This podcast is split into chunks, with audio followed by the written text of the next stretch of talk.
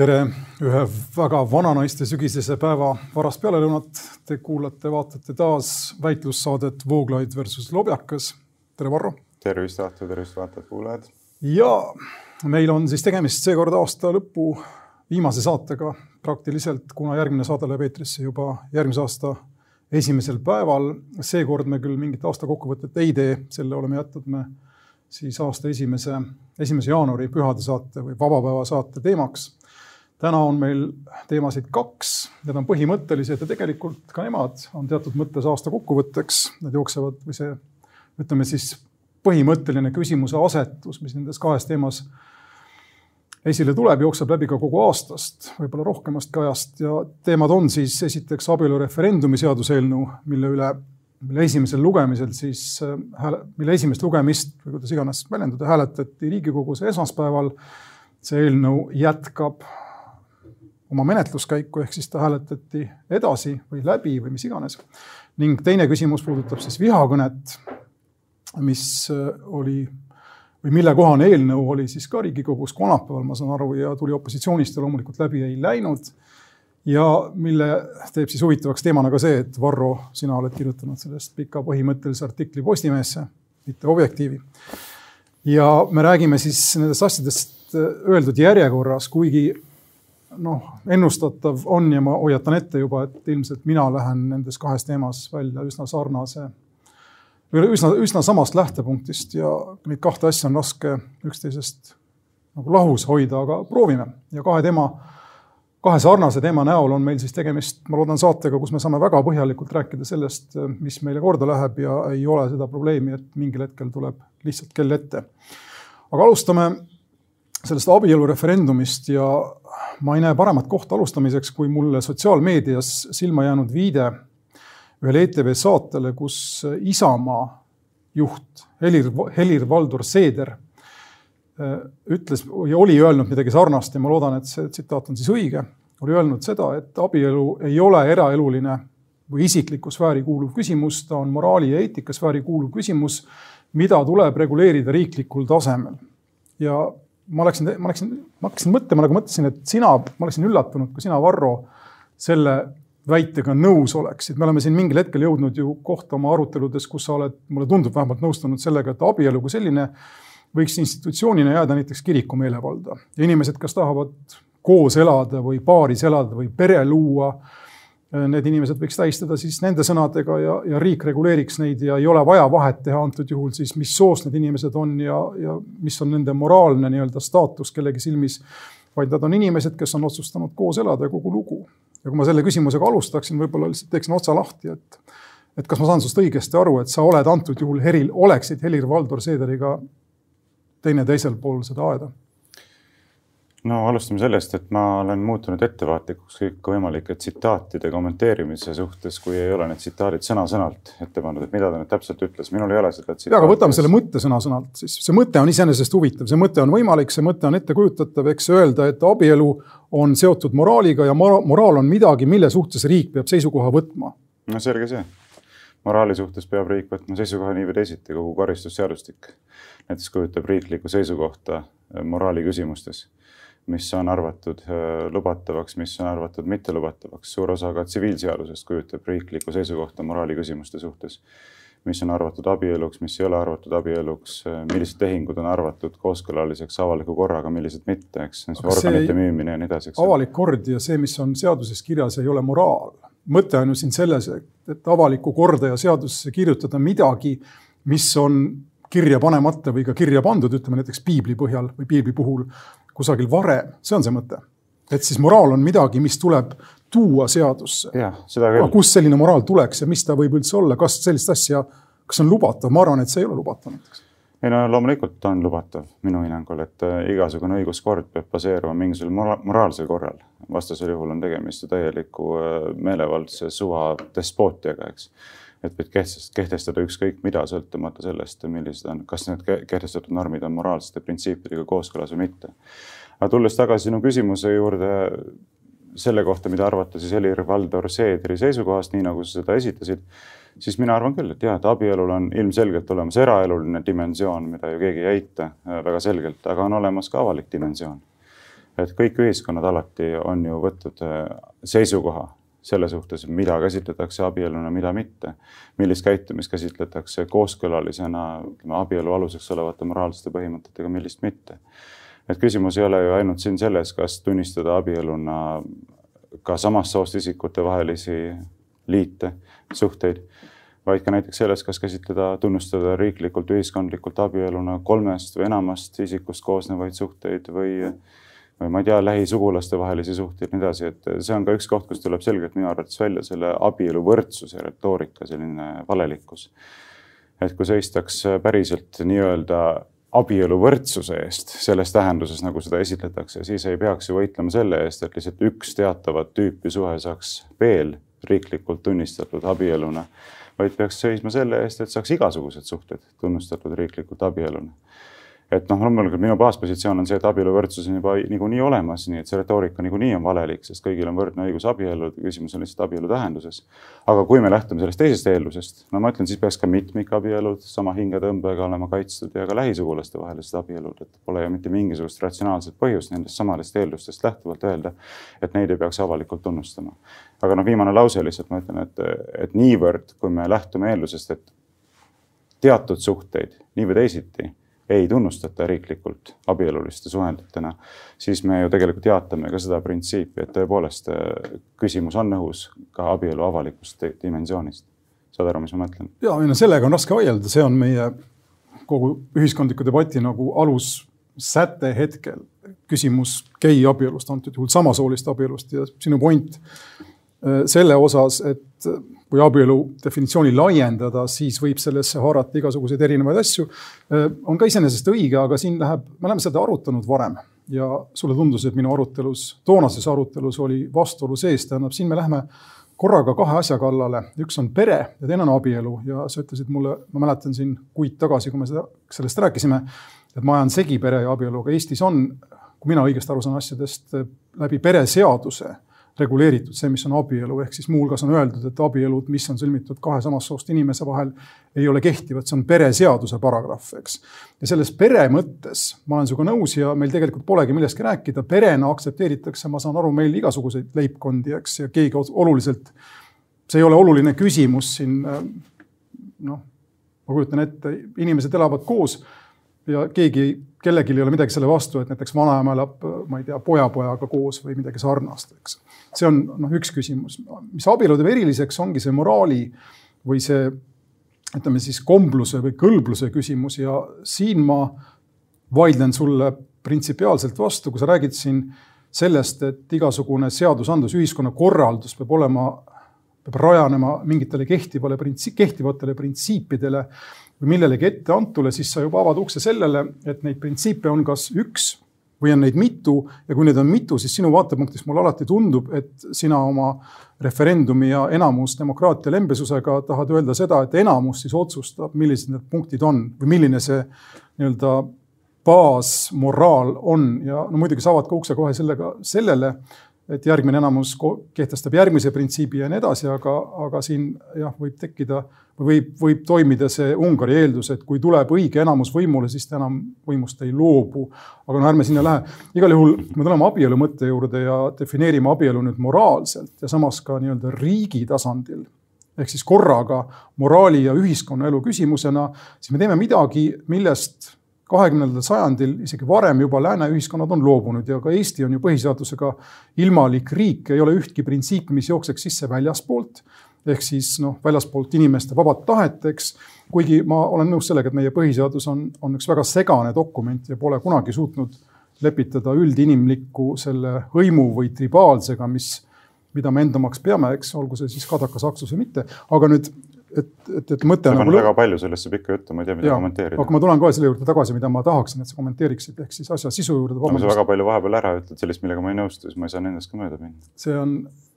see on sinu niisugune tehnika, aga. see ei ole tegelikult, ma tahtsin öelda, ma tahtsin öelda, et see ei ole tegelikult mu strateegia, aga näe siin pigem selle väljendust, et me tegeleme asjadega, mida, millest igaühte on võimalik avada ja tulebki avada põhimõtteliselt mitme nurga alt ja see on vältimatu, aga las ma, las ma, las, las ma lihtsalt jõuan selle pointini tagasi ja minu pärast kiigu välja ka sina teistesse teemadesse ja teistesse ma ei tea, põhimõtetesse või mis iganes või teistesse vaadetesse. aga mida ma tahan öelda, on see, et kui sa võtad selle, võtad abielu kui moraali ja ühiskonnaelu küsimust seotuna, siis me oleme näinud läbi suhteliselt lähedase ajaloo, kuidas lahutus, mida kunagi ütleme siis kristlikus kultuuris on loetud kui võimatu, on, teda on loetud võimatuks, eks piibel iseenesest ei luba sul lahutada. Äh, lahutus on saanud faktiks, üleaisa löömine, mille eest kunagi pilluti kividega surnuks inimesed, äh, ma ei tea, seal ütleme Palestiinas, eks, on saanud aktsepteerituks, ei ole enam see moraali küsimus, mida riik peaks kuidagi reguleerima.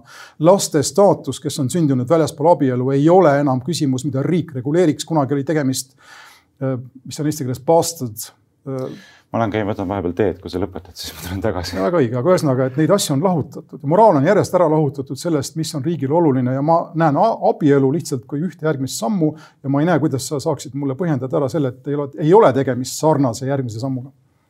mille näol? no et abielu ei lähe sama teed, nagu kunagi läks abieluväliste laste staatus ehk siis nende halvustamine, üleasja löömise kriminaliseerimine ja. või lahutuse lubamatus, kõik nad on läinud. nii, okei okay. mm ei no ma ei ütlegi, et see ei või nii minna, loomulikult võib minna, sellepärast et kui me vaatame neid eeldusi, millest lähtuvalt eh, sellises eh, nii-öelda liberaalses ühiskonnas eh, ühiskonnaelu püütakse ümber korraldada, siis muidugi võidakse ka see printsiip üle parda visata, täpselt nagu on visatud eelnevad moraalsed printsiibid üle parda ühiskondliku korralduse alusena et on taandutud printsiibist, et kõiki inimesi, kõigi inimeste elu tuleb kaitsta võrdsetel alustel, on visatud see üle parda, eks, et ei, et lapsi ennem sündi võib tappa, eks. no nii, nüüd kiigud sina teemadesse, mis üldse ei puutu asja. aga ma vastan sinu küsimusele lihtsalt, et loomulikult ma ütlen lihtsalt seda, et on võimalik, kõik printsiibid on võimalik lõppude lõpuks üle parda visata, et on võimalik, nagu me nägime, teise teemana hakkame käsitlema, visata üle parda ka see, eks, et inimestel peaks olema tagatud sõnavabadus väljendada võimukriitilisi seisukohti valitseva ideoloogia suhtes kriitilisi seisukohti. see printsiip on ka võimalik üle parda visata, täpselt samamoodi on võimalik ka demokraatia printsiip üle parda visata, nagu me näeme selle eelnõu menetlemise juures, et. nüüd me oleme juba väga kaugel ei, me ei ole kaugel, sest tegelikult see ongi ju selle asja juures keskne küsimus. et äh, ma tulen kohe selle juurde tagasi, aga ma vastan ennem sulle lühidalt ära, et äh, no esiteks repliigi korras, et Ungaris ei ole kujunenud välja olukord, kus äh, ei ole, olda enam valmis võimust loobuma, seal toimuvad endiselt parlamendivalimised ja lihtsalt rahvas on väljendanud oma soovi, et see jõud, kes on võimul, jätkaks võimul juba mitmeid valimisi järjest, nii et see lihtsalt ei vasta tõele. nagu Nõukogude Liidus äh,? nagu Saksamaal sinu, sinu analoogiat kasutades, kus Merkel istub, ma ei tea, kas varsti on vist kakskümmend aastat täis või? viisteist on täis. jah, nii et noh, et kauem kui Orban igal juhul. nii et äh, oota, aga mis sa sinna kõik veel sisse pakkisid, nüüd ma peaksin hakkama ka üles kirjutama sinna pika jutu sisse. tähendab, printsiip, point on igal juhul oluline osa on selles, et sina ise oled ju täpselt samamoodi selle vaate esindaja, et ühiskondlik kord, seadused, kehtestatud seadused peavad baseeruma moraalsetel printsiipidel sa oled ise olnud alati selle positsiooni apologeet, et on teatud liberaalsed väärtused, mis peavad olema austatud, need on ka baseeruvad moraalsetel. aga ma, ma tuletan. sõnavabadus ja nii edasi. ega ma tuletan nad ajaloolisest praktikast, siin puutub moraaliga igasugune side, ma lihtsalt ütlen. no sina et... nimetad neid ühtemoodi, mina on... nimetan neid teistmoodi, fakt on see, et sul on ka teatavad absoluudid, mida, mille, millest kõrvale kaldumist sa ei aktsepteeri. see on inimese, see taandub kõik inimese vabadusele olla see, kes ta on jah Ja, mitte, mitte perekonnavabadusel okay, kes ta on. tuletad oma absoluudid mingisugusest teisest allikast, kui mina nad tuletan, aga sul ei ole mitte sugugi vähem mingid absoluudid, mille kõrvalekaldumist sa tegelikult ei aktsepteeri, eks. sa ütled, et on teatavad absoluudid ja nendega ühiskondlik korraldus peab kooskõlas olema, kui ta seda ei ole, siis meil on probleem, on ju nii? ma ei, ma ei utreeri praegu. aga ei... need on põhiseaduslikud väärtused, mis on. ja kui põhiseaduses kirjutaks midagi muud, siis sa ütleksid ikkagi, et see põhiseadus on vale, eks. kui me kirjutaksime põhiseaduslikuks väärtuseks abielu mehe ja naise vahel, sa ei ütle, et see sellepärast on kehtiv väärtus. euroopalikud väärtused. no vot, eks. Merkeli väärtused. No, nimetage niimoodi, et sa ei pea isegi muigama või võid muiata täie, täie rahuga. sinul on Merkeli... Merkelikud väärtused, minul on Orbanlikud väärtused, noh, sul vahet pole, eks. küsimus on selles, et mõlemal meil on teatavad printsiibid, mille suhtes austust me tahame ühiskonnas näha absoluudina, eks tähendab, minu ja sinu erinevus on pigem see, et mina olen nõus aktsepteerima, et rahva enamus võib otsustada nendest printsiipidest kõrvale kalduma. Aga sina tegelikult ei ole valmis seda aktsepteerima, et sa oled ju varem öelnud väga selgelt, et sinu selline, kui oleks pigem küsimus selles, kas säilitatakse austus liberaalsete väärtuste vastu või säilitatakse demokraatia, siis igal juhul liberaalsed väärtused tulevad esimesena, eks kas ma, sellele ma pean vastama hästi sulgudes, kui ma tohin, ma olen ma seda varem öelnud, ma lihtsalt meenutan sulle, mida ma varem ütlesin. võtame Jeesuse ja tema kiusajad. kas see, et kiusajaid oli palju ja Jeesus oli üksi, on mingi argument selle osas, kellel on õigus või kellel pole õigus? see enamuse küsimus, seetõttu on mulle äärmiselt mõistetamatu sinu puhul.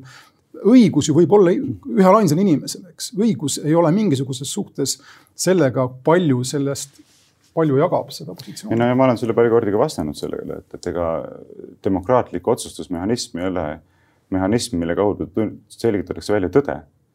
demokraatlik otsustusmehhanism on see, mille kaudu lahendatakse vaidlusi, eks. ja demokraatliku otsustusmehhanismi kaudu võidakse väga selgelt jõuda ka tulemusteni, mis on valed. Aga lihtsalt, kui meil ei ole mingisugust paremat mehhanismi, mille kaudu erimeelsusi lahendada, siis me peame seda kasutama halbadest variantidest vähim halva variandina, eks. ühesõnaga demokraatliku ebakõlblusega sa oleksid rahul? Kui suurem osa, ütleme Eesti inimestest ütleks, et marihuaana on lubatud ja kõik võivad käia tänaval paljatena, siis sa peaksid seda moraalselt õigeks läbi selle, et enamus on andnud meile kõikidest võimalikest variantidest. ma ei peaks seda parima. õigeks lahenduseks, aga ma olen Aa. sunnitud sellega aktsepteerima, ma olen sunnitud selle aktsepteerima, täpselt samamoodi nagu sündimata laste tapmine, selle riiklik rahastamine Eestis. ma ei pea seda õigeks, olgugi et ilmselt Eesti ühiskonna enamus pooldab seda. aga, ma, ma pean seda aktsepteerima, et selline on meie riigis kehtiv õigus, sellepärast et see on enamuse tahe. aga millest ma siis aru ei saa, on see, kuidas sa saad öelda, et seadus seadusandlus peab baseeruma sellele, mis on õige moraalselt, kui sa just oled öelnud mulle, et seadusandlus saab ainult baseeruda sellele, mida enamus otsustab. ei, ma ei ole öelnud, et ta saab sellele ainult baseeruda, ma ütlen, ta peab sellele baseeruma, loomulikult. see, et näiteks lapsi saab tappa sünnieelselt, pole õige aga fakt on see, et selline seadus kehtib, see on ilmselt väljendab ka rahva enamuse tahet praegusel hetkel ja midagi pole teha, see on selgelt vale, vale seadus, moraalselt vale seadus.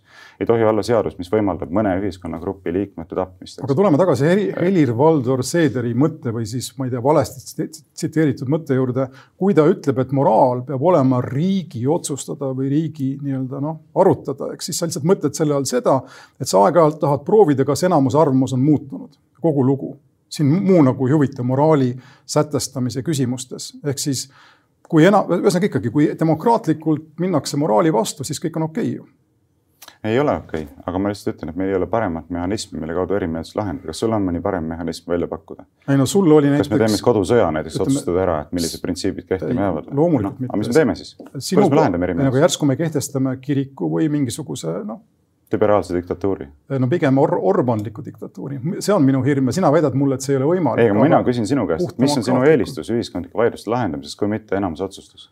mille kaudu me lahendame neid?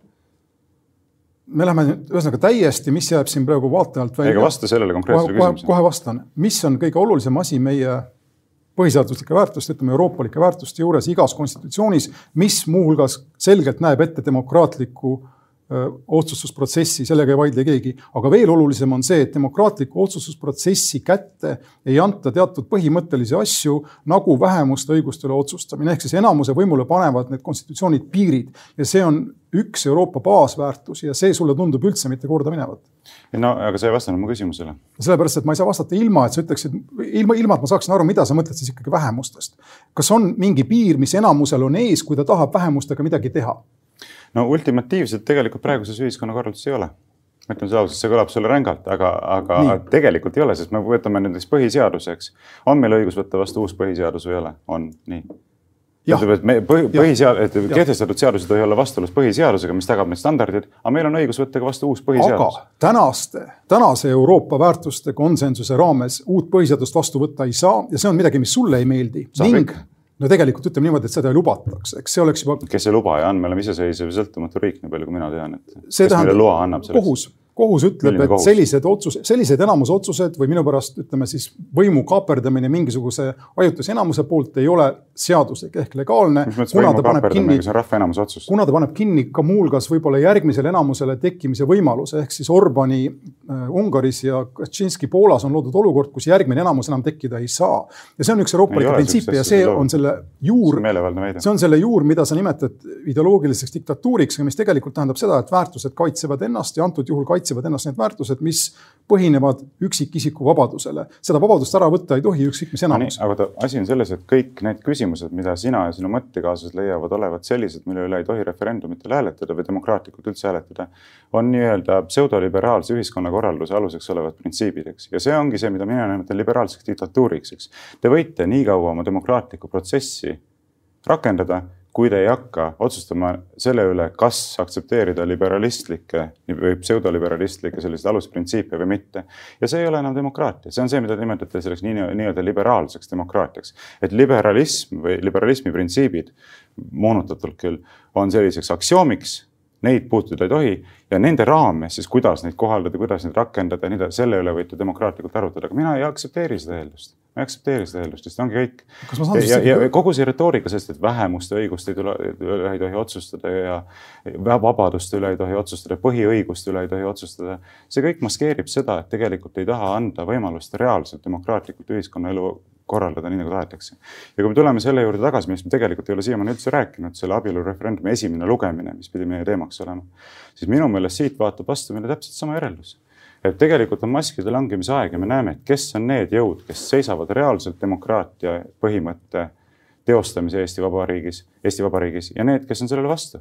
et kui me vaatame, millises riigis me elame, eks meil on Leedus on, kui ma õigesti mäletan, toimunud üheksakümne teisest aastast alates üksteist referendumit. Lätis on toimunud, kui ma õigesti mäletan, üheksa referendumit. Eestis üks. kahe tuhande kolmandal aastal Euroopa Liiduga liitumise küsimuses üks referendum ja sellest ajast on läinud seitseteist aastat mööda. Ja me ei ole mitte ühtegi korda saanud rahvana reaalselt otsustada ühegi otsuse langetamisel. ja kui sa paned siia taha veel juurde tõdemuse, et kui me võrdleme praegu kehtivat põhiseadust kahe, kahekümnenda aasta, kolmekümne kolmanda aasta põhiseadusega, siis meil ei ole õigust rahval algatada parlamendis eelnõusid, rahval ei ole õigust algatada referendumeid, rahval ei ole õigust seada üles presidendikandidaate, rahval ei ole õigust valida presidenti endale, rahval ei ole õigust isegi parlamendivalimiste kaudu teostada oma kõrgeimat riigivõimu sellisel viisil, et parlamenti pääseksid inimesed, kes reaalselt on saanud kõige rohkem hääli, eks. meil on seal Siim Kiisler kolmesaja seitsmekümne üheksa häälega ja Imre Sooäär kolmesaja neljakümne üheksa häälega ja nii edasi. ja kui me paneme kõik selle asja sinna taustaks ja vaatame, et seitsmeteistkümne aasta jooksul on üks kord võimalus rahval osaleda referendumil ja siis kirglikult võitlevad vastu need seltskonnad, kes väidavad ennast olevat demokraatia ja liberalismi eesseisjad, no siis minu meelest see olukord on mõistusvastane, ma väga vabandan. ühesõnaga, väärtus on ikkagi kõige põhilisem väärtus sinu jaoks on see, et enamus saab teha, mida ta tahab ja sa nimetad seda rahva tahteks, eks see on rahva enamus. ma ei ole kordagi öelnud, et see on põhiline väärtus, ma ütlen, et see on oluline konstitutsiooniline tundub... printsiip, mida ainult, mida tegelikult ei järgita. aga sa ei ole mulle võimeline ütlema, mis paneb sellele enamuse volile piiri, kui üldse selline asi olemas on ma jätkan selle küsimust, sa lähed sellest mööda. mina ütlen, et minu puhul hästi selgelt siin on panevad, probleem sinul, mitte minul. ja seda küll, aga minu puhul panevad selle piiri enamuse tahtele või enamuse volile või isegi omavolile isikuvabadused, mis on sinu puhul need asjad, see asi, mille noh, mille, mille juures sa lööksid takka üles ja enam niimoodi elada ei saaks, kui enamus midagi otsustaks, sest et ausalt öeldes see, mis sa mulle siin praegu rääkinud oled, eh, on iseenesest ju mitte väga erinev sellest, mida meile räägiti nõukogude ajal, rahvas tahab ja sellega on võimatu vaielda. või kui sa räägid siin, et rahvas ei saa endale valida presidenti, rahvas ei saa endale valida ka Führerit, vabandust, argumentum ad Hitlerum. aga mis on see siis see nii-öelda noh, see moraalne piir, millest sa siin alguses räägid, et see on väga oluline, eks. kus, kus on, kust tuleb see koht, kus enamus ei või teha seda, mis talle pähe tuleb? moraalsed absoluudid ja sellepärast ma ütlen, et minul on siin, sinul on siin probleem, mitte minul. minul on olemas maailmavaade, milles tunnistab moraalseid absoluute. aga nimeta mulle mõni moraalne absoluut. noh, kümme käsku näiteks, võta. nii, ühesõnaga kui Eestis. aga sinul ei ole ju moraalseid absoluute, kust sina oma moraalsed absoluudid tulevad, sul ripub kõik õhus ja hõljub. ise ütlesid mulle, et mul on täpselt sama absoluutne. ei no sa väidad, et sul on, aga sul tegelikult ju ei ole. okei okay,, nüüd on veits segaduses, segadus meil siin, aga, aga okei okay,, las ta olla. Ütleme niimoodi siis. kust sinu sekulaarses maailmavaates tulevad moraalsed absoluudid, ütle mulle. no jah, me oleme sellest üle käinud, põhimõtteliselt ka liberalism on eks mingisugune emanatsioon või heiastus kristlikest väärtustest, aga ta on lihtsalt Jumala surma järel pannud selle ankrukoha inimesse, see selleks, aga las ma nüüd küsin edasi või tähendab aru, küsin edasi on vale sõna, valesti väljendatud, aga las ma üritan aru saada. sa ütlesid kümme käsku on see moraalne absoluut, absoluut tähendab seda, et, et, et siin on midagi midagi, millest sa üle ega ümber minna ei saaks, see on sinu põhiveendumus, eks. nüüd, kui kümme käsku läheksid meil, kümme käsku meil ei ole ammu enam seadusse kirjutatud, eks rääkimata põhiseadusest. paljud neist on küll. ja paljud küll. ole. jah, aga sa oled suurest osast lihtsalt loobunud, mis absoluut on see, millest saab loobuda sel juhul? mina ei ole loobunud mitte ühestki.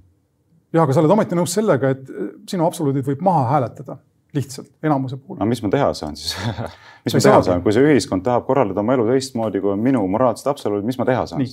mina saan ju teha seda, et ma elan oma elu kooskõlas oma moraalsete absoluutidega. jah, mida ma üritan öelda sulle, on see, et kuni ütleme kahekümnenda sajandi alguseni sinu moraalsed absoluudid juhtisid ka riigielu, kuni kirik riigist lahutati ja tekkisid teistsugused absoluudid. Ja mina kaitsen neid absoluute, sina oled selles mõttes jah, teinud selle, ütleme auväärse valiku, et sa oma absoluute enam vägivaldselt peale ei suru, küll aga surud sa neid peale teistpidi lootuses, et kui minu absoluudid ära lõhkuda, siis enamuse ehk rahva tahe toob tagasi sinu omad.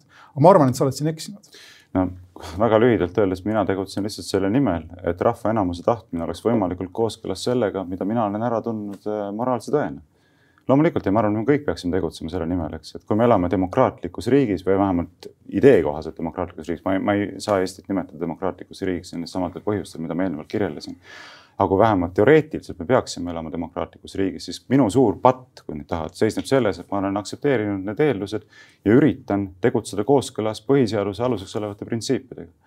aga, ja, ja ma ei näe, mis selles valet on, ma lihtsalt arvan, et see on õige. aga, aga, aga, aga lihtsalt, kui me võtame nüüd sellesama referendumi teema, siis see, mida sinu leer teeb on see, et te ütlete, et ei, demokraatlikult ei tohi langetada, isegi pakkuda võimalust langetada ühtegi otsust, mis oleks vastuolus sinu enda Äh, ja sinu mõttekaaslaste ideoloogiliste poliitiliste eelistustega, eks. siis hakatakse maskeerima seda igasuguse retoorikaga vähemuste õiguste üle otsustamisega, mis on täiesti vale, eks. mitte mingisugust vähemuste õigust ei ole olemas, mida ei tohiks referendumil siin praegu otsustada, ei ole olemas mingit õigust homoabielule, pole olemas sihukest asja. ei loomuseadusest tulenevalt, rahvusvahelistest inimõiguslepingutest tulenevalt, lihtsalt mitte midagi ei ole Ülle Madise on seda kinnitanud, Allar Jõks on seda õiguskantslerina kinnitanud, kõik teavad seda, aga sellest hoolimata, eks korratakse seda juttu kogu aeg edasi, edasi, edasi. Ja, ja no ma ütlen, et kui kaugele on valmis minema inimesed selle demokraatia vastasusega, seesama obstruktsioon, eks öeldakse, tohutult ebaoluline küsimus, millel ei ole üldse mõtet aega ja energiat raisata. samal ajal ise tehakse kõik endast olenev, et raisata selle referendumi korraldamiseks maksimaalne hulk aega, energiat, ressursse, eks kuni obstruktsioonini välja, mis on sisuliselt ju põhiseadusega korravastane tegevus, nii et ma ütlen, et kogu see asi on minu arvates mõistusevastane ja lihtsalt reedab seda, et need inimesed, kes väidavad ennast seisvat demokraatia ideaali eest, on tegelikult kujunenud Eesti Vabariigis kõige suuremateks demokraatia vaenlasteks. Kuna ma rääkisin alguses väga pikalt ja tõenäoliselt segaselt, siis ma tahan selle teema lõpuks öelda hästi konkreetselt ära järelduse, mille mina võtan kaasa praegu sellest debatist ja mis on iseenesest ise, ise, iseenesest mulle isegi natukene uudne, ma olen üritanud ühesõnaga aru saada, mida sina mõtled ja kuidas see, mida sina mõtled, erineb sellest põhimõtteliselt siis, mida mina mõtlen. ja kui ma nüüd õigesti aru saan, äh, siis mulle tundub äh, niimoodi, et see konsensus, mis meil sidus moraali ja riigi ehk siis usu ja riigi ja mis lagunes Euroopas kahekümnenda sajandi alguseks, jättis inimesed, kes seda toetasid ja kes seda täna toetavad nagu sina, ilma nii-öelda isandata, kui tohib niimoodi väljenduda ja. sinul on oma isand endiselt olemas. ja seda küll, aga põhimõtteliselt ütleme, et sa otsid mingisugust uut sellist ankrut või orientiiri või kõik kõige ülekäivat printsiipi. jumala asemel on see nüüd rahva tahe ehk demokraatia. küsimus on siis selles, kes otsustab inimese üle. kuni kahekümnenda sajandi alguseni otsustas kirik ja riik korraga. kahekümnendast sajandist edasi otsustab riik läbi demokraatia. sulle tundub, et sellest ei piisa, kuna demokraatiat piiratakse, järelikult enamuse tahe peab otsustama inimese üle. mina teen sellest protsessist järelduse, et täna enam kui mitte kunagi varem otsustab inimese üle mitte keegi ega ei tohikski otsustada mitte keegi inimese üle, vaid inimene ise ja siin on meie printsipiaalne erinevus.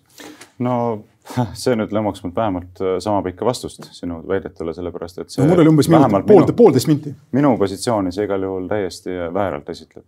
Äh, esiteks alustame sellest, et kui see eeldus on tõsi, mis sa vastad, et kahekümnendal sajandil on selline suur murrang toimunud, siis me näeme ka, mis on tagajärjed, eks. mitte ühtegi nii verist sajandit pole olnud nagu kahekümnes sajand, eks sajad miljonid inimesed on ära tapetud, mõrvatud lähtuvalt nendest sekulaarsetest ideoloogiatest, mida seesama maailmavaade on sünnitanud, eks, et see on see tagajärg, alustame sellest. aga kui ma väga lühidalt ütlen, mis eristab meie positsioone, see on see, siis on see see, et minul on olemas moraalsed absoluudid. aga ma olen nõus aktsepteerima, et ühiskondlikus elus kaldutakse nendest kõrvale, kui rahva enamus seda tahab, sellepärast et ma ei näe praegusel hetkel paremat vaidluste lahendamise mehhanismi, kui seda on demokraatlik otsustusprotsess. sinu positsioon on see, et moraalseid absoluute ei ole aga sa oled, sa, sa ei ole valmis aktsepteerima seda, et rahva enamus võib nendest positsioonidest kõrvale kalduda, mida sina ise õigeks pead. nii et äh, kui sa tahad nagu ütleme sellist skemaatilist kirjeldust positsioonide erinevusest, siis minu meelest see on adekvaatsem kirjeldus jah, ainult et sa oled ka minu positsioone kirjeldanud moraalse absolutismina, äh, kui sulle see on sobinud, aga teeme nüüd sisse väikese vahe, et tulla tagasi ringiga teise teema juurde.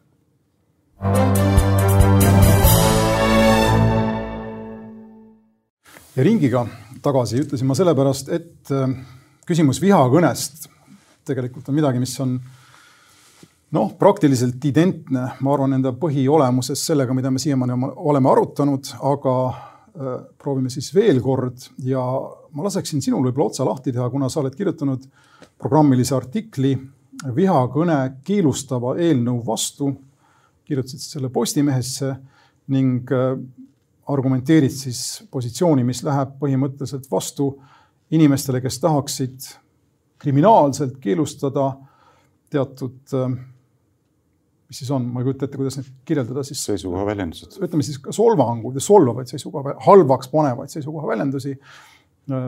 peamiselt siis vähemuste osas, aga, aga siin on ka muid küsimusi no ja nagu ma oma artiklis kirjutasin ja ma kirjutasin selle Postimehesse paljuski sellepärast, et püüda algatada või anda oma panus selleks, et algatada laiemat ühiskondlikku arutelu, et ma võin ju Objektiivi kirjutada sel teemal, aga noh, nagu sinu suur sõber Vilja Kiisler on öelnud, et see on juba definitsioonist tulenevalt asi, mis ei kvalifitseeru eriti kaalukaks seisukohaks argumentumat Vilja Kiisler. ja ei no see on, eks ole, ma tahtsin kirjutada ka Postimehesse sellepärast, et, et Vilja Kiisler, eks ole, ütleb, et ei tohiks üldse avaldamiskünnist ületada minusuguste seisukohad, et see on põhimõtteliselt oluline, et, peaks küll ületama, kui argumendid on äh, piisavad.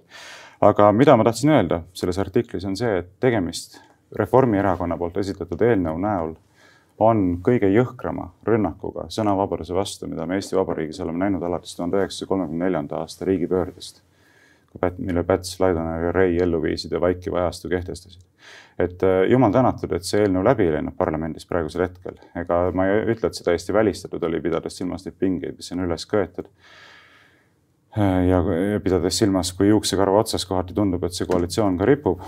aga, aga suurepärane, et see läbi ei läinud, sellepärast et selle seaduse läbiminemisega oleks loodud sellised eeldused, et äh, kui võimupositsioonidele prokuratuuris satuvad vastavate hoiakutega inimesed, siis oleks saanud hakata seda kuriteo koosseisu karistusseadustiku paragrahvi sada viiskümmend üks kasutama sisuliselt meelsuskontrolli kehtestamiseks kriminaalõiguslike vahenditega ja sõnavabaduse väga jõhkraks mahasurumiseks.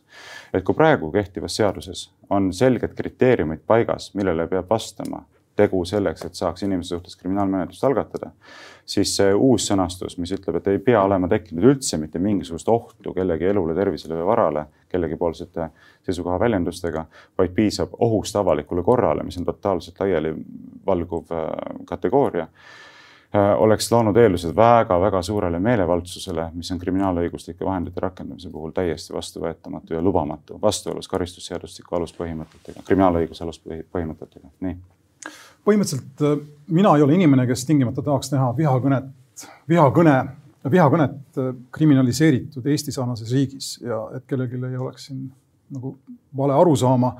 kui meil oleks kohtusüsteem nagu ütleme Suurbritannias või Ameerika Ühendriikides, kus äh, olulised asjad lähevad vandekohtu ette, siis ma arvan, et sellel oleks mõtet.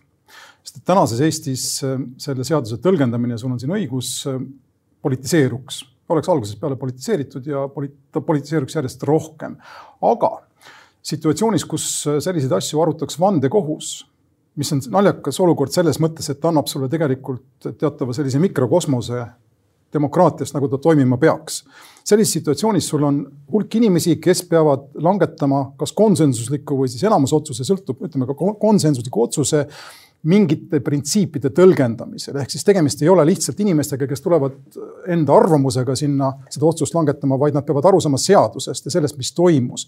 ja sellises situatsioonis ma olen täiesti nõus, mina olen sel juhul, sellises situatsioonis ma oleksin nõus vihakõne keelustamisega, kui seda arutatakse alati nii-öelda noh, meie ühiskonna mingi läbilõike poolt ja väga selges siis ühenduses seadustega, mis meil kehtivad. ehk ta oleks argumenteeritud alati, kuna meil seda süsteemi ei ole, siis ma kahtlen, kas meil see asi on teostatav, aga sinu artiklit lugedes äh, ma põhimõtteliselt, põhimõtteliselt olen sinuga teist meelt äh, selles küsimuses, kas sellist asja on vaja. ideaalses ühiskonnas, nagu ma ütlesin, on vaja ja miks seda on vaja. Äh, kui ma loen siit, sa, sinu argumendiks on, et erinevalt tänasest olukorrast ei pea selline kõne enam ohustama või seadma ohtu inimese elu, tervis või vara, see on tänane Eesti seadus, vaid ta peab seadma ohtu ka avaliku korra ja millegipärast sa vaatad sellele nagu noh, veidi põlglikult sellele avalikule korrale, samas kui sa võtad lahti põhiseaduse ja sõnavabaduse paragrahvi, paragrahvi nelikümmend viis, siis on seal öeldud, et meil on sõnavabadus, kehtib teatud piirangutega mm. -hmm. esimene piirang on avalik kord. teine on kõlblus kolmas on teiste õigused ja sarnased vabadused, neljas on alles tervis, viies on au ja nii edasi, ehk siis siin sa oled vastuolus huvitaval kombel põhiseadusega ja mina olen põhiseadusega, kui, kuigi ta on üks segane värk, sest avalik kord ja kõlblus on täiesti erinevatelt alustelt võetud asjad, aga ta seab avaliku korra esimeseks ja avalikku korda ma lihtsalt ei pühiks laua pealt ära, sest et see on kõige olulisem asi, mis meil üldse on. see läheb tagasi sellesse ajaloolisse traditsiooni, millele ma üritan aeg-ajalt viidata ehk Suurbritanniasse ja mujale, kust liberalism tegelikult pärit on. ta läheb tagasi äh, Thomas Hobbesi ehk siis ühiskondadesse, mis on näinud sõda, kodusõda, mida sa siin ka mainisid, kodusõda ei ole eelistatud lahendus mitte millelegi ja ma tsiteerin taas ühte Inglise keskaegset ajaloolast, kes kunagi või kroonikut, kes kunagi ütles, et ka parim sõda on halvem kui halb rahu. avalik kord on see, mis on siin võtmeküsimus. Ja ma võin selle mõttega jätkata, aga kindlasti pärast seda, kui sa oled no muuseas reservatsiooni korras ma ütlen, et ma ei nõus selle väitega, et kodusõda ei ole parem lahendus kui mitte miski, et äh, näiteks kui hakatakse Eestis kehtestama, ma ei tea äh,, Nõukogude diktatuuri või minu poolest liberalistlikku diktatuuri, siis on Aga- kodusõda parem kui see, et me laseme sellel juhtuda. kui, kui isegi kui demokraatlik enamus kehtestaks Nõukogude diktatuuri, Äh, noh, ütleme, kui demokraatlik enamus teeb seda kooskõlas põhiseadusega, siis pole midagi teha, jah, see on rahva enamuse tahe. okay.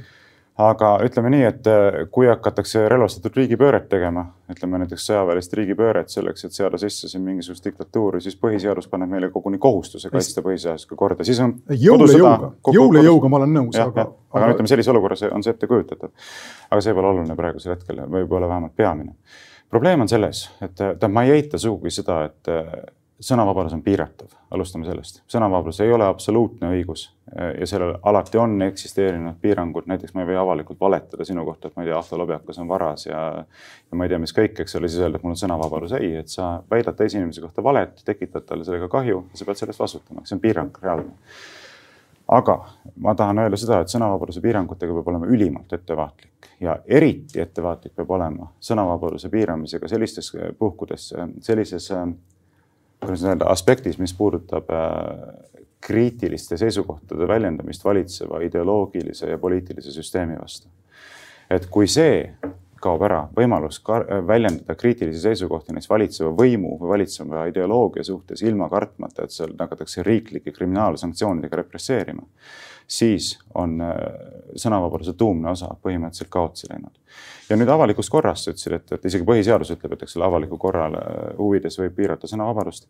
jah, põhimõtteliselt muidugi võib, aga ütleme, kehtiv seadus on ka ju mõeldud äh, sõnavabaduse piiranguna avaliku korra kaitseks, eks et kui ikkagi seatakse ohtu juba inimeste elu, tervis ja vara, noh siis on ületatud see piir, mida ühiskond saab aktsepteerida, eriti kui on tehtud seda üleskutsetega vägivallale.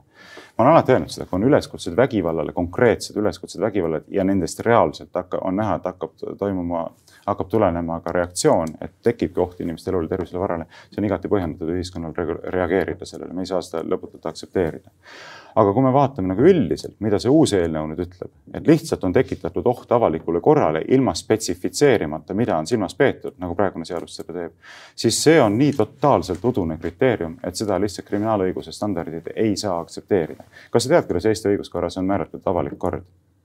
Ma oma artiklis ka viitasin sellele, ma võin selle ette lugeda, mul on kirjutatud korrakaitseseadus paragrahv neli lõige üks. avalik kord on ühiskonna seisund, milles on tagatud õigusnormide järgimine ning õigushüvede ja isikute subjektiivsete õiguste kaitstus. nii, ütle nüüd mulle palun, millisel hetkel on tekitatud oht sellele seisundile? nii noh, põhimõtteliselt. mitte olen, kedagi ei ole, kes suudaks sellele ma olen väga paljuga siit nõus ja muuhulgas ka sellega ja tegelikult me katsime selle ära, eks, et võimukriitika vabadus on väga oluline vabadus või see võimalus ja seda ei tohi piirata ja Eesti sarnases ühiskonnas ei ole üldse võimatu, et vaenu või vihakõne kriminaliseeriv seadus muutub mingil hetkel bumerangiks, mis pöördub liberaalide vastu. ma arvan, et see on enda hea küsimus. see on jumala õige. see on sissevaade, mida ma soovitan ka kuulajatel. ei, ma ütlen, et tõenäosuse silmas pidades, tõenäosuse silmas pidades on see üksnes aja küsimus, kuni pääseb võimule seltskond, kes hakkab seda normi kuritarvitama, sest kõik eeldused kuritarvitamiseks on loodud. nii, aga kuhu ma jõuda tahan? võib-olla sama seltskond, kes tahab seda normi kehtestada, ma ei tea. või mis on minu jaoks põhimõttelise tähtsusega ja mis mulle tundub, et jääb sinu jaoks natukene varjule, on küsimus sellest, mis kujutab endast ohtu avalikule korrale ja kaugemalt ka küsimus sellest, kumb tuleb ennem, kas avalik kord või vabadus, kumb on nii-öelda muna, kumb on kana. igal juhul, kui me räägime siin vägivalla ohust, mis on see, mida tänane seadusandlus mõtleb, eks, kui ta ütleb, et midagi, mingi kõne on kriminaliseeritud siis, kui ta ohustab reaalset elu, tervist või vara. siis ma lisaksin siia ja see on ütleme liberaalne kogemus, aga mul on tunne, et ka sina ei saa sellega väga palju vaielda.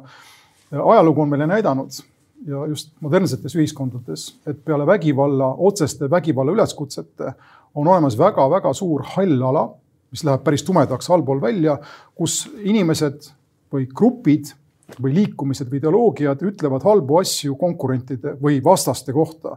ja need halvad asjad siis, kui nad päris tumedasse jõuavad välja, üldiselt võrdlevad konkurente või vaenlasi loomadega, rotid näiteks Hitleri ajastul oli äh, väljend siis mitteaarialaste kohta ja nii edasi. ehk siis on, ja seda väidan mina, on olemas teatud selline kiht või tasand kõnet, mis otseselt kedagi, kellegi tervist ei ohusta, aga mis väga olulisel ja väga kahjulikul ja ohtlikul määral seab kahtluse alla nende inimeste või gruppide, kelle kohta seda kasutatakse, siis õiguse väärikale ja teistega võrdsele eksistentsile. Ehk neid ja nende staatus alandatakse viisil, mis omakorda siis seda kõnet kuulijatel tekitab tunde, et tegemist ongi teist sorti teise klassi alamat liiki inimestega ja varem või hiljem see tunne realiseeritakse mingisuguse võimumanöövriga, kus need inimesed kas surutakse alla või hävitatakse. ja sellele ei tohi pinda anda ja see on koht, kus ma näen tegelikult ruumi vihakõne vastasele seadusele. no vaata, aga selle, see kõlab iseenesest ilusasti, eks. sa said vähemalt aru, mida ma mõtlesin. ma saan aru, mis sa mõtled, aga siin on mitu-mitu probleemi, et esiteks on probleem muidugi see, et tohutu suur ruum jäetakse meelevaldsusele, meelevaldsetele hinnangutele, mis on kellegi alandamine, mis on kellegi käsitlemine teisejärgulisena,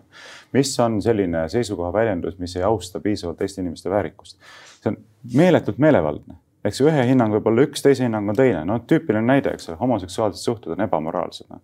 nii, kas see on nüüd karistatav väide või ei ole karistatav, noh. ja kes ütleb, homoaktivistide seisukohast kindlasti on neid ala, alandav, solvav, teeb haiget, eks ole, õhutab vaenu, käsitleb neid teisejärguliste inimestena kui samasuguse hoiakuga inimene saab nüüd peaprokuröri positsioonile, siis algabki kriminaalmenetlus nende inimeste suhtes, kes sellist asja väidavad, eks. nüüd vastupidi jälleks, kui keegi ütleb, ma ei tea, Eesti rahvusriik on ajalooline igand ja mingi türannist, türannia vorm, eks ole. kuule, nüüd sa ju, eks ole, õhutad vaenu eestlaste suhtes ja eesti rahvuse suhtes, eks ole, hakkame siis sinu vastu nüüd kriminaalmenetlusega pihta, eks. ja see ei ole, saad aru, see ei ole nagu selline äh, laest võetud äh, mingisugune liialdus. ma ütlen veel kord, Päivi Räsase kaasus, Räsäneni kaasus, kui eesti keeles korrektselt väljendada, Soomes näitab, et Soome peaprokuröri isiklikul nõudmisel on algatatud juba kokku kolm kriminaalmenetlust endise siseministri suhtes, sellepärast et ta on just nimelt väljendanud neid seisukohti homoseksuaalsete suhete suhtes. see kõik on õige ja seda tulebki, kui selline. sa ei taha ka ju sellist asja. kui selline seadus peaks kunagi kehtestatama, tuleb teda rakendada äär, äärmiselt suure vastutustundega ja nagu ma ütlesin, ma ei ole kindel, kas tänane Eesti riik selleks valmis on. aga kui sina tood näiteid, ma toon sulle vastunäiteid ja ma tean, ma eeldan, et sa ei saa nendega ka vaielda, ükskõik näiteks, mida me tänases avalikus ruumis noh, ütleme, ühesõnaga on mõeldav asju tänases, on mõeldav, on mõeldavad asjad näiteks ütleme juutide kohta, mis tänu kohutavale ajaloolisele kogemusele möödunud sajandist on välistatud. ma usun, sa oled minuga nõus. me ei peaks avama avalikku ruumi absoluutselt kõigele, mida inimesed tahaksid öelda oma ignorantsist või pahatahtlikkusest. ma juba ütlesin, avalikud üleskutsed vägivallale, millega reaalselt kaasneb oht, on, peaksid olema. aga ütleme siis ka näiteks avalikud Hitleri õigustused, mitte tingimata vägivallale, aga sedakaudu asja kallal, see on see, mida ma üritan illustreerida. sinna kallale mina näiteks ei läheks, noh kui me hakkame ajalooliste faktide erinev... tõlgendamise kritiseerima teatud seisukohti, siis me oleme läinud on, väga ohtlikule pinnasele. siin on meie erinevus ja meil on väga vähe aega ja ma rohkem ei taha öelda iseenda poolt selle asja siit on samm edasi see, et hakkad kritiseerima Euroopa Liitu, eks ole, et karistada. Äh, aga võtame, ma tahan öelda kaks sõna selle holokausti eitamise kohta, mis on üks konkreetne probleem ja millest väga paljud meie kuulajad instinktiivselt kõhutundega arvavad, aru saavad. ma olen selles veendunud. mina, kui ma olin suhteliselt noor inimene, läksin Eestist ära, arvasin sedasama ma olin kahekümne aastane, ma arvasin, et kõik akadeemiline uurimistöö peaks olema igasuguse moraalse taustata. kakskümmend aastat hiljem tagasi tulles ma saan aru, miks äh, David Irvingid ja sellised professorid, kes on süüdi mõistetud holokausti eitamise eest, miks nad süüdi mõisteti, on ajaloost saanud mingisugune moraalne kogemus, kaemus, mida ühiskonnad peavad väärtuseks ja need ühiskonnad, kes sellest läbi pole käinud, ei saagi sellest aru saada. ja me oleme kahjuks sellest läbi käimata, ma loodan, et me kunagi ei käigi läbi, aga ma saan väga hästi aru sellest, miks holokausti eitamine, täna saan sellest aru, miks holokausti eitamine on üks nendest asjadest, mis tuleks tegelikult keelustada. no jaa, aga mõtle juba ka absurdne, see hakkab vaidlema, millised ajaloolised kuritegude eitamine või pisendamine.